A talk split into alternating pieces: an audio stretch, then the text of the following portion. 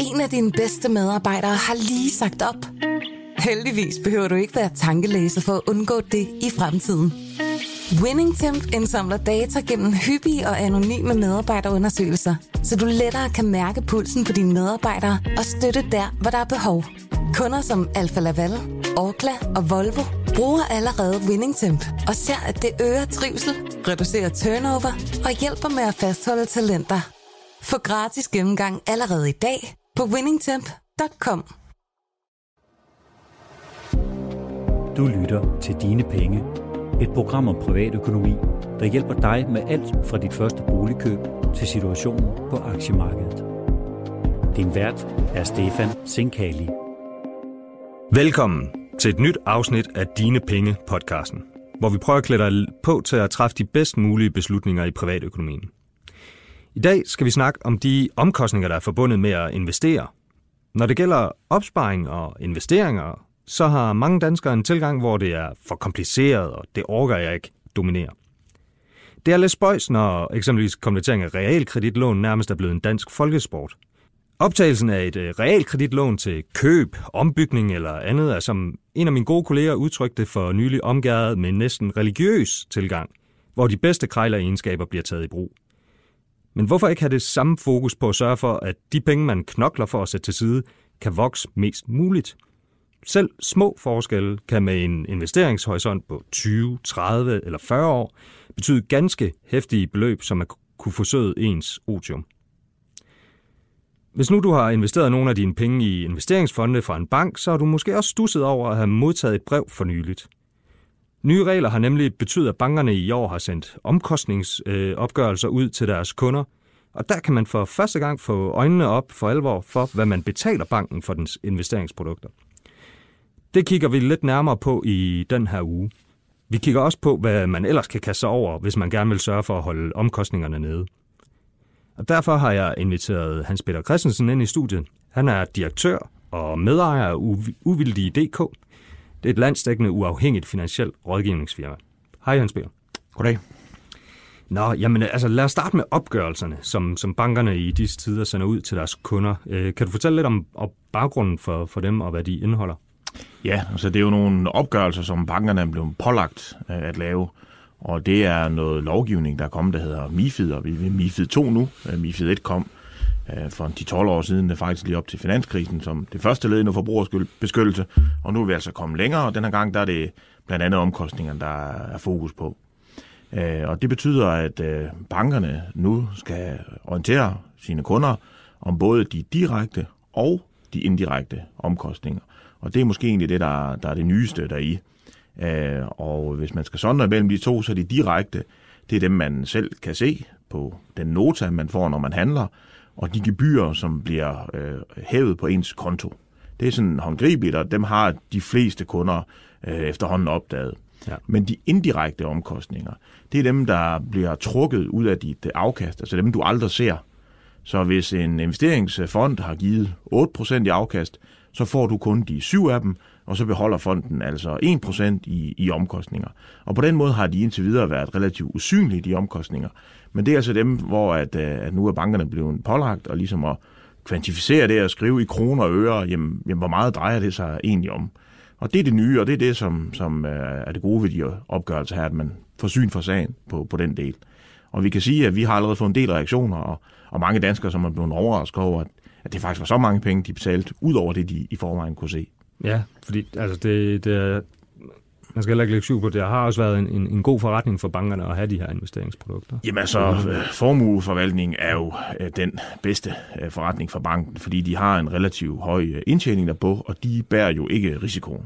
Altså hvis det går nedad på aktiemarkedet, jamen, så er det jo kunderne, øh, som oplever det som tab på af deres penge, øh, hvor at, at banken jamen, de får jo en, en procentsats, uanset om det går, går op eller ned. Så, så det er en, en, en meget god forretning for, for bankerne. Og det er sjovt, det du siger med, med realkreditlån og bidragssatserne. Altså, vi har set den samme tendens inden for investering, som vi har med, med realkreditlån, at priserne bare er steget og steget og steget. Øh, og hvor på, på realkreditlån, der har man reageret, og der har været en masse mediedækning af det osv.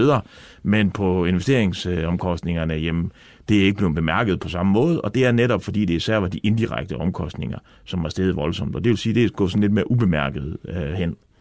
Jamen, der har vel heller ikke været det, det folkepres, kan man sige, for det har været svært at vurdere. Okay, jeg fik 6 procent. Det var måske meget fint. Men... Det, det er lige præcis det. Ja. Det, er, det er mere abstrakt, når mm. det er en indirekte omkostning, fordi det er bare nogle penge, som du aldrig har fået. Altså, mm. hvis, hvis bankerne var tvunget til at give dig hele afkastet, og derefter opkræve pengene, på din konto, så, så skulle du se en, en reaktion fra, fra kunderne. Ja, okay. Jamen, øh, altså hvis vi kigger på de her øh, øh fonde, hvis vi lige bliver lidt i, i øh, bankernes øh, produktportefølje, er der nogen måde, hvorpå man kan inddele de her typer af fonde, der typisk har højere omkostninger end andre, og kan det alligevel betale sig at give mere for disse fonde?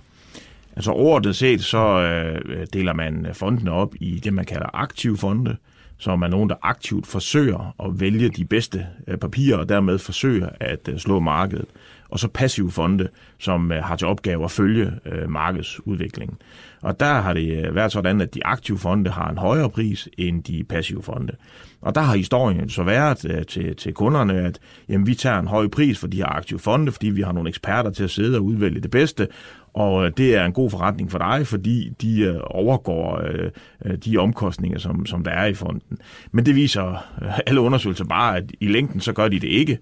Så du betaler for at have muligheden for at slå markedet, men, men, men tre ud af fire fonde, de, de underperformer meget, og de fleste ligger tæt på, på, på, på markedet. Så man kan lige så godt bare vælge en passiv fond, som er væsentligt billigere.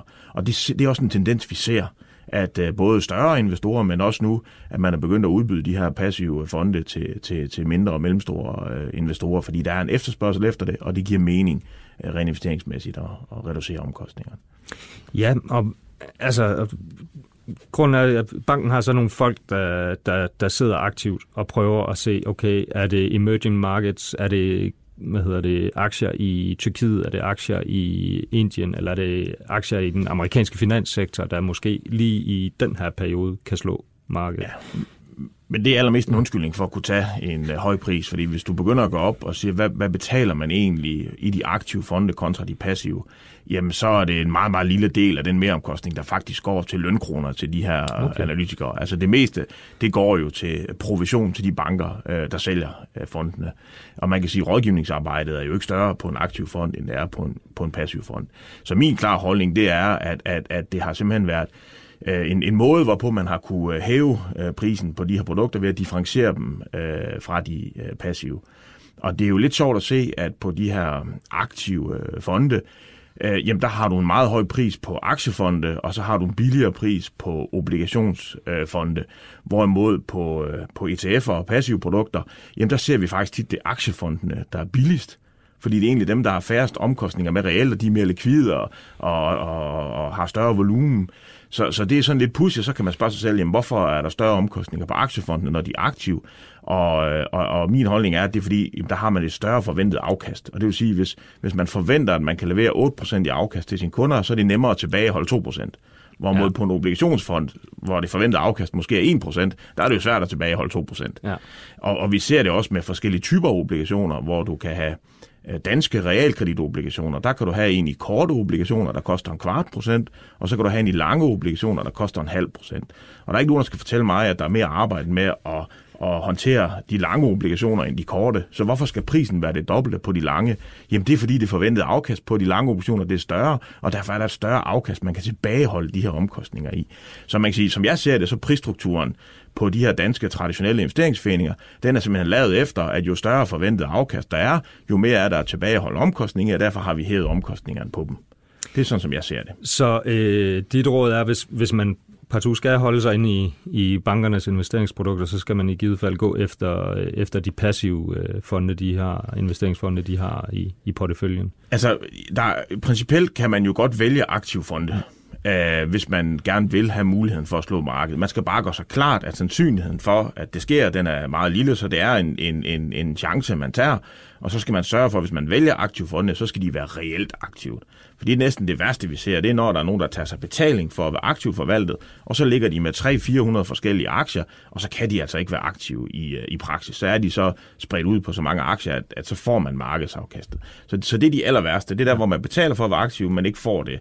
Så vil man have aktive fonde, så skal man finde nogen, hvor der måske er 20, 25, 30 aktier i, fordi så, så kan man tale om, at, at man har øh, mulighed for det. Igen har man oddsene imod sig, men man har en reel mulighed for at, at få et, et, øh, et større øh, afkast. Ja, altså fordi der er en lang række studier, der har vist, at øh, set over lang tid, så, så, så de aktive fonde slår ikke de passive fonde, og selv altså, øh, typer som Warren Buffett, investorguen i, fra Omaha, han har også sagt, at øh, han, han, han stoler ikke på, at der er nogen, der kan slå markedet, når han skal investere, øh, altså når han engang er væk fra denne jord. Altså, han vil øh, holde sig til, til passive Han siger, at den almindelige investor er bedre stillet ved at købe en, øh, en ETF. Mm. Og vi ser, at Nationalbanken har undersøgt, at de aktive fonde ikke slår øh, markedet. Morningstar har undersøgt det. Øh, forskellige professorer, både danske og udenlandske universiteter, har, har, har undersøgt det og kommet til samme konklusion. Så, øh, så, så det er nærmest kun dem, der lever af at sælge de aktive fonde, der kan lave nogle undersøgelser, der påviser, at det indimellem har kunne svare sig. Ja, nu nævner du øh, ETF, øh, så måske kan vi bevæge os lidt ind på blandt andet dem. Altså, folk er forskellige, også når det kommer til interessen for at investere. Hvis man nu vil bevæge sig ud over bankens investeringsfonde, hvilke muligheder er der så der? Jamen, der er jo nærmest uh, uanede muligheder, vil jeg sige, afhængig af ens interesseniveau, mm. og også, som du siger, hvor meget tid man gider at bruge på det. For det er klart, at der kan være nogle mennesker, hvor man kan sige, jamen, jeg får det simpelthen ikke gjort, øh, hvis ikke der er en, der tager sig af det for mig. Og så, så kan man sige, så kan det måske være fair nok at betale øh, de her omkostninger for, at man, at øh, man får det gjort. Men har man bare lidt interesse, og, og vil man bruge lidt tid på det, jamen, så kan man spare rigtig mange penge, og dermed bliver det en rigtig høj timeløn, man får for den tid, man bruger på det. Og der kan man så sige, at der findes nogle færdige pakker, altså nogle øh, investeringsforeninger, som er sammensat af ETF'er. Og det er Exchange Traded Funds? Det er Exchange Traded Funds, og det er principielt bare en udenlandsk investeringsforening. Altså øh, danske investeringsforeninger er jo også børsnoteret, så de er jo principielt mm. også Exchange Traded Funds. I udlandet kalder man det bare øh, ETF'er. Øhm, men der kan man simpelthen få en samlet pakke, hvor det er sat sammen for en, Øh, og, og, og det kan være en, en, en investeringsforening, der sammensætter det, eller det kan være det her, Danske Bank har Dune, og Nordea har Nord, og der findes nogle uafhængige øh, Nord Investment. Der findes forskellige muligheder. og Sparindex har også noget, hvor man kan sammensætte det. Øh, og, og der kan man altså få sådan en, en uh, robo-advisor, eller sådan, hvor man svarer på nogle spørgsmål, der hjælper med at afklare ens investeringsprofil, og så kommer man i nogle, nogle gode, billige produkter. Selvfølgelig har det også en omkostning, men samlet set så koster de cirka det halve af, hvad sådan en traditionel bankløsning koster. Så, så der kan man altså gå fra måske halvanden procent i omkostninger til 0,75 procent i omkostninger. Ved at bruge lidt tid. Ved at bruge lidt tid, og, og hvor du ikke selv skal sådan sidde og forholde dig til de enkelte produkter. Du skal bare forholde dig til din risikovillighed og din tidshorisont, og så, så hjælper de med at sammensætte det. Og det er udmærket, hvis man har en kvart million eller en halv million eller et eller andet, jamen, så, så, øh, så er det fint.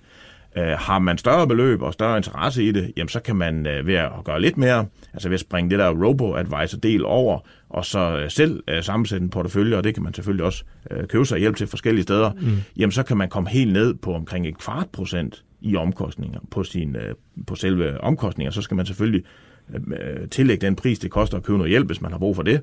Øh, men, men, men der kan man altså så reducere omkostningen fra måske halvanden til en kvart procent. Og, og, og det er klart, at hvis du har 2-3 millioner i pensioner, eller 10 millioner i et holdingselskab, eller hvad nu du har penge, så bliver det altså til rigtig mange penge, øh, og især med rentes renteeffekten. Mm. Øh, man har jo lavet en, en, en undersøgelse, det der hedder Penge- og Pensionspanelet, som er sin offentligt sponsoreret øh, panel, som, som undersøger sådan nogle privatøkonomiske ting.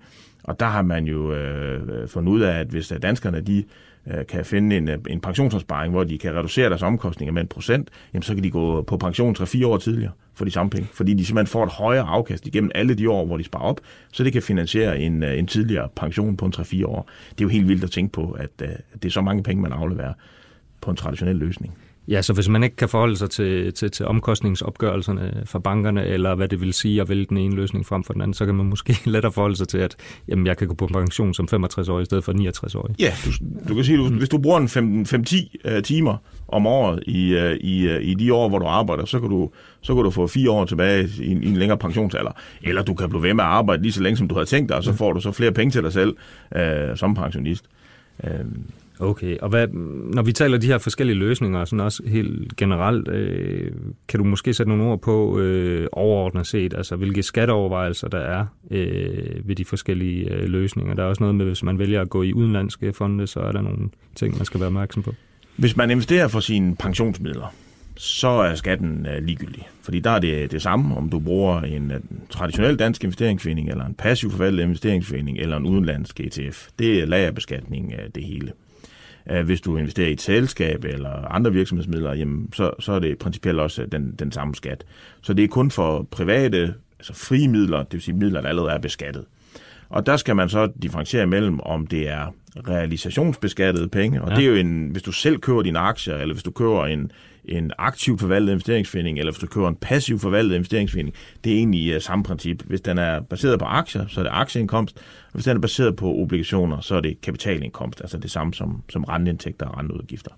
Så, så, så om du bruger en aktiv forvaltet investeringsforening, som din bank anbefaler, eller du selv finder en dansk passiv forvaltet investeringsforening, det er det samme rent skattemæssigt. Der, hvor der kommer en forskel, det er, hvis du går til de her ETF'er, som er de udenlandske investeringsforeninger, jamen de bliver betragtet som et øh, investeringsselskab, og derfor bliver de lagerbeskattet. Og det betyder, at du skal betale skat af dem, uanset om du realiserer gevinsten eller ej. Og til og med i år, så bliver de alle sammen betragtet som kapitalindkomst, uanset om det er baseret på obligationer eller aktier. Men det er der er blevet vedtaget en ny lov i januar i år, blev der vedtaget en lov, der siger, at fra næste år, altså 1. januar 2020, der vil øh, ETF'er, som investerer i aktier, der vil du kunne blive øh, beskattet som aktieindkomst. Det kræver, at øh, dem, der udbyder dem, de ligesom får dem registreret som med, med, med aktier, men, men så vil de kunne blive beskattet som aktieindkomst. Dog stadig som lagerbeskatning. Ja. Så, så, så helt kort kan man sige, hvis det er din pension, og hvis det er din selskabsmidler osv., så kan du fint bruge ETF'eren uden at spekulere over skatten. Hvis det er frimidler, så, så vil det i, i mange tilfælde være bedre at bruge en, øh, en dansk passiv forvaltet investeringsforening. Og dem findes der efterhånden også et, et okay udvalg af. Øh, Sparinvest Sparen Index har nogle fine, nogle danske Invest har nogle fine, nogle. Altså, hvis man gider at lede lidt, så kan man faktisk øh, finde nogen, der, der opfylder de flestes øh, behov. Obligationssiden øh, halter lidt, men, men der har vi så nogle, nogle, nogle OK alternativer hos for eksempel MyInvest og Sparinvest Index har også en enkelt. Så, så man kan godt finde øh, almindelige investeringsforeninger, som bliver beskattet på samme måde, og, og stadigvæk sammensætte en portefølje til, til fornuftige omkostninger.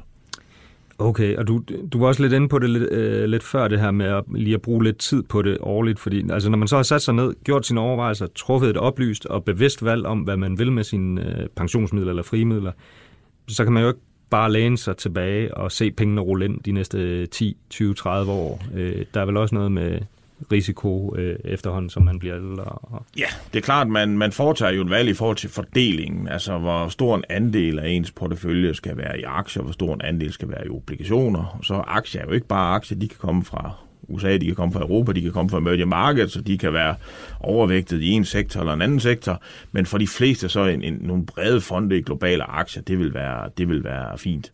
Og på obligationssiden er der så noget forskel på, om det er en kedelig dansk realkreditobligation, eller det er en, en, øh, en, en øh, statsobligation fra, fra Tyrkiet, eller om det er en virksomhedsobligation. Mm. Så det er klart, der er man nødt til at forholde sig til, til den fordeling og den risiko, man påtager sig. Og, øh, og så for de fleste vedkommende, hvis det er igen en halv eller en hel million, ja, så hvis man kigger på det en til to gange om året, så er det faktisk øh, tilstrækkeligt. Så laver man det, der hedder en rebalancering, hvor man lige kommer tilbage til, til ens udgangspunkt. Altså hvis aktien er steget rigtig meget, så sælger man nogle af dem og, og køber lidt op i obligationer, og aktien er faldet, så skal man jo købe op i dem, selvom, selvom det måske går lidt ondt i maven, men så er det det rigtige at gøre. Og det skal man så forholde sig til, som sagt, et par gange om året. Det er klart, jo større beløbet bliver, jo oftere skal man måske lige ind og, og, og forholde sig øh, til det. Men det er altså ikke noget, man skal sidde og overvåge fra dag til dag. Altså, øh, man kan lave det, vi kalder sådan en, en relativt vedligeholdelsesfri øh, portefølje med nogle store brede fonde, som, som man så lige tager op og kigger på en gang imellem. Og så er det rigtigt, når man nærmer sig pensionsalderen 5-10 år inden, jamen, så vil det som udgangspunkt være en god idé at begynde at skrue ned øh, for risikoen, for det ville jo være ærgerligt, hvis der kom en ny finanskrise lige året inden man går på pension, og så er ens øh, pension er halveret. Der, der skal man lige sikre sig, at, at man har skruet ned i takt med, at man skal, man skal bruge pengene. Okay. Jamen ved du hvad, tusind tak, fordi du vil være med til at give øh, de private investorer derude lidt stof til eftertanke, Peter. Velkommen. Du lytter til Dine Penge, og det er blevet tid til Mikromakromix med Ulrik Bie og Sara Jolie. Velkommen. I dag øh, skal vi kigge nærmere på handelskrig, valg, børsnoteringer og en ny topchef i Danmarks største bank. Men vi starter øh, lidt ude i den globale verden hos dig, Ulrik. Øh, der er som sædvanligt lidt nyt om en handelskrig. Det er der nemlig, men først så frem så vil jeg sige, at jeg er glad for, at vi er Sara hjemme igen fra Warren Buffett og Bøfland. Øh, det har været nogle øh, rigtig spændende beretninger, som vi håber, at, øh, at lytterne vil læse, fordi det, det er virkelig spændende sådan noget. Tak skal du have, Ulrik. Jeg har jo i dagens anledning taget min nye Warren Buffett t-shirt på, som lytterne desværre ikke kan se, men I kan forestille jer. Vi andre, vi kan se det, det går ondt i øjnene. Og apropos ondt i øjnene, så, så har vi en handelskrig, der, der også er kommet op i, i ny fart. Øh, der har jo været forhandlinger, der har løbet meget længe. Øh, det var jo noget, der skulle være afsluttet den 1. marts. Men parterne blev enige om, at der var sket så meget fremskridt, at man fortsatte. Der er jo ikke nogen grund til sådan at løbe skrigende væk, før det er nødvendigt. De har jo så lukket kapitel efter kapitel, har, har Trump og andre tweetet om, øh, for ligesom at, at gøre aktiemarkederne glade. Og øh, så er man kommet i en situation her til sidst, hvor at øh, det er den amerikanske udlægning, at øh, man fik 150 siders aftaleudkast tilbage fra øh, Beijing, fyldt med røde streger, hvor de sådan set havde streget alt ud, som handlede om, at Kina skulle lave lovgivning. Og så er vi lidt tilbage til start, hvor at Kina siger, stol på os, og USA siger, at vi stoler ikke på noget, med mindre vi skriver det ned, og de bliver indfattet i lovgivning. Og det var også det, der fik øh, præsident Trump til søndag, meget overraskende for mange, og melde ud, at øh, nu vil man hæve den straftol, som man indførte i september på 10 procent, den vil man hæve til 25 procent, og det har man så gjort nu, dog med den krølle, at det er på varer, der fra nu af sendes fra Kina, det vil sige alt det, der plopper rundt ude i Stillehavet, det er ikke pålagt 12, og derfor kan man faktisk nå at trække det tilbage, inden at det for alvor rammer. Og hvad, hvem rammer det så? Hvordan rammer det så med de varer, der så ikke øh, plopper rundt ud på, på Stillehavet. Og... Jamen, og det er jo øh, en meget, meget, meget lang liste ja. med varer, inklusiv øh, sværfisk og bildele. Øh, det, det, er, det er rigtig, rigtig omfattende. Øh, 200 milliarder er, er også mange penge. Øh, det vi kan sige, det er indtil videre, øh, øh, har strafton ikke faktisk ikke ramt amerikansk økonomi. Vi har en masse virksomheder, der er øffet over, at det går ud over deres indtjening, især inden for bilsektoren, men det er ikke rigtig noget, som forbrugerne har mærket. Kigger man på varepriserne i forbrugerprisindekset, øh, så er de holdt op med at falde. Varepriser falder helt generelt, øh, og det er også Kinas skyld, men de stiger faktisk ikke. Og det, der nok kommer til at ske nu med 25 procent, det er, det er så meget, at producenterne, indkøberne, Øh, øh, butikkerne kommer til at sende i hvert fald en del af den regning videre til forbrugerne. Så for første gang, så vil amerikanerne nu komme til at mærke det, som kineserne kan mærke, og det som landbruget kan mærke, men almindelige amerikanere vil komme til at mærke handelskrigen, og så må vi jo se, Det om, kan jo så få sat noget pres på, på Trump i forhold til at få det her til at ende. Hvordan Jamen, er, er det ved det ikke. Vel? Er amerikanske forbrugere villige til at betale ekstra for varer og forbruge mindre for at få styr på Kina, hvis man ser det ud fra, fra Trumps vinkel. Det ved vi simpelthen ikke endnu, om, om hvornår øh, der er en smertegrænse. Og det er det, der gør det så uforudsigeligt. Okay, så vi har ikke en, en, en, en, en slutning på den her handskrig lige i den nærmeste tidshorisont? Nej, det har vi ikke. Øh, det har vi absolut ikke. Og hvordan har markederne så reageret på øh, de nye tweets og på øh, den her ekstra 12? Jamen ikke så overraskende, så blev det jo til at starte med taget ret negativt imod på aktiemarkederne. Nu har vi flere uger fået at vide, at der kan komme en aftale inden 10. maj, øh, og det er jo den her uge, vi er ved at slutte nu. Øh, så når vi lige pludselig får at vide, at der kommer ekstra straftol, så går det jo den helt anden retning. Og en af grundene til, at aktierne har været steget meget her i 2019, det er jo, at i, i et smukt samspil med den amerikanske centralbank Federal Reserve, så har der været den her positive, de her positive toner om handelskrigen, både for USA og Kina, og det har sådan samlet fået aktierne til at stige rigtig meget. Hvis man så fjerner en af de her argumenter for, at aktierne skal stige, så bliver markedet selvfølgelig nervøst. Og det har vi set i den her uge, det er faldet lidt. Det er selvfølgelig faldet mest i Asien, som selvfølgelig bliver påvirket meget af det, hvor de store indekser er nede med sådan cirka 5%. I Danmark er vi nede 1%, i USA omkring 3%, så det er ikke det her sådan ud over en klippe, som man måske kunne være ret bange for. Og det, man så skal huske samtidig i det, er jo, at markederne er steget næsten 15 procent i 2019. Vi har gået lidt og ventet på en undskyldning for at tage noget profit. De er simpelthen, vi har været så glade, at nu skulle ligesom ske et eller andet, så vi er blevet meget overfølsomme over for dårlige nyheder. Så der kommer det her, så er det klart, at vi bliver lidt bange og trækker os tilbage. Men man, altså den stemning, jeg får, når jeg snakker med analytikere, og nu har jeg lige haft en lang runde på Wall Street de sidste par dage, og der er optimismen faktisk stadig ret høj, også for aktiemarkedet. Så der er ikke nogen, der tror, at det her nødvendigvis er starten på en kæmpe nedtur. Det er nogle skvuld, vi bliver nødt til at forholde os til, og dem har der jo været mange af det sidste års tid, og i virkeligheden i hele Trumps præsidenttid. Og, og det, der måske er vigtigt lige at nævne i den sammenhæng, det er, at VIX-indekset, man sådan betragter som Wall Streets frygtmåler, der måler, hvor bange markedet er, det er steget 50 procent den her uge. Så det er faktisk, altså man, markedet begynder at prise ind, at der er noget at være usikker overfor. Men vi er ikke forladt ud over kanten endnu. Okay, og usikkerhed er der også, været, øh, er der også lidt af herhjemme øh, i form af, hvem skal være i regering inden alt for længe.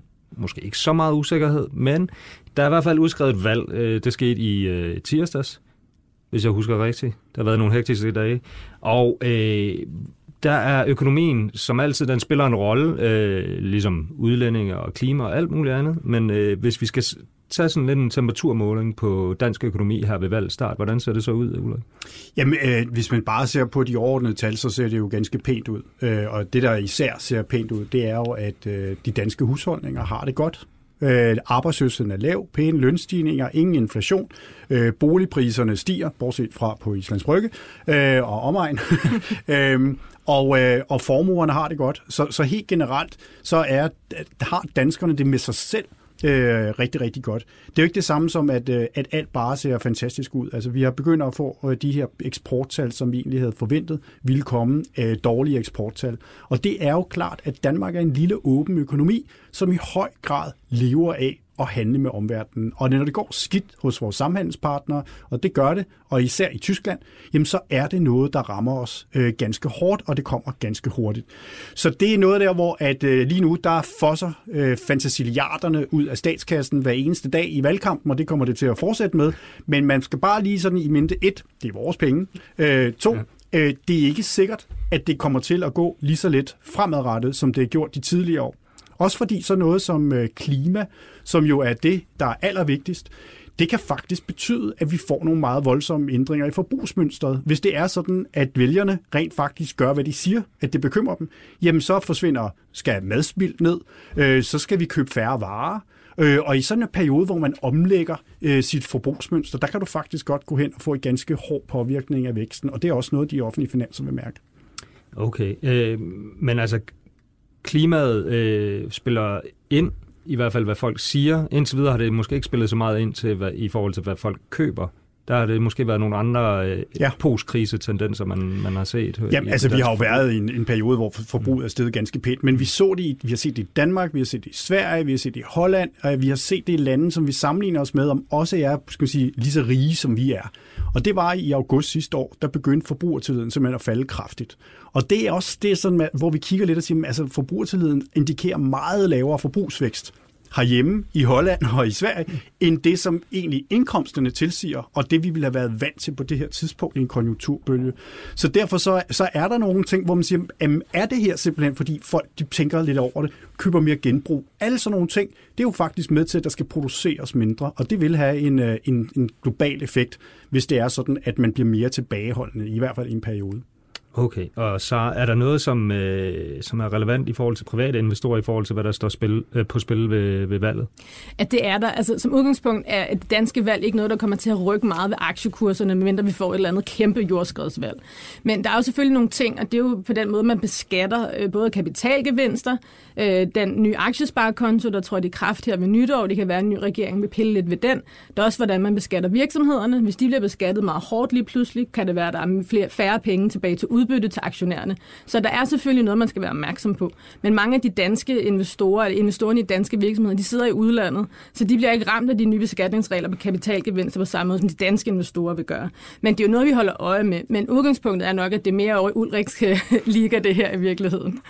Okay, og øh, så er der jo også øh, sket andre ting øh, i den her uge øh, en, en valgudskrivning. Øh, Danske Bank øh, meddelte få timer før vi gik ind i studiet her, at de havde fundet deres nye topchef øh, efter øh, kun ni måneders jagt.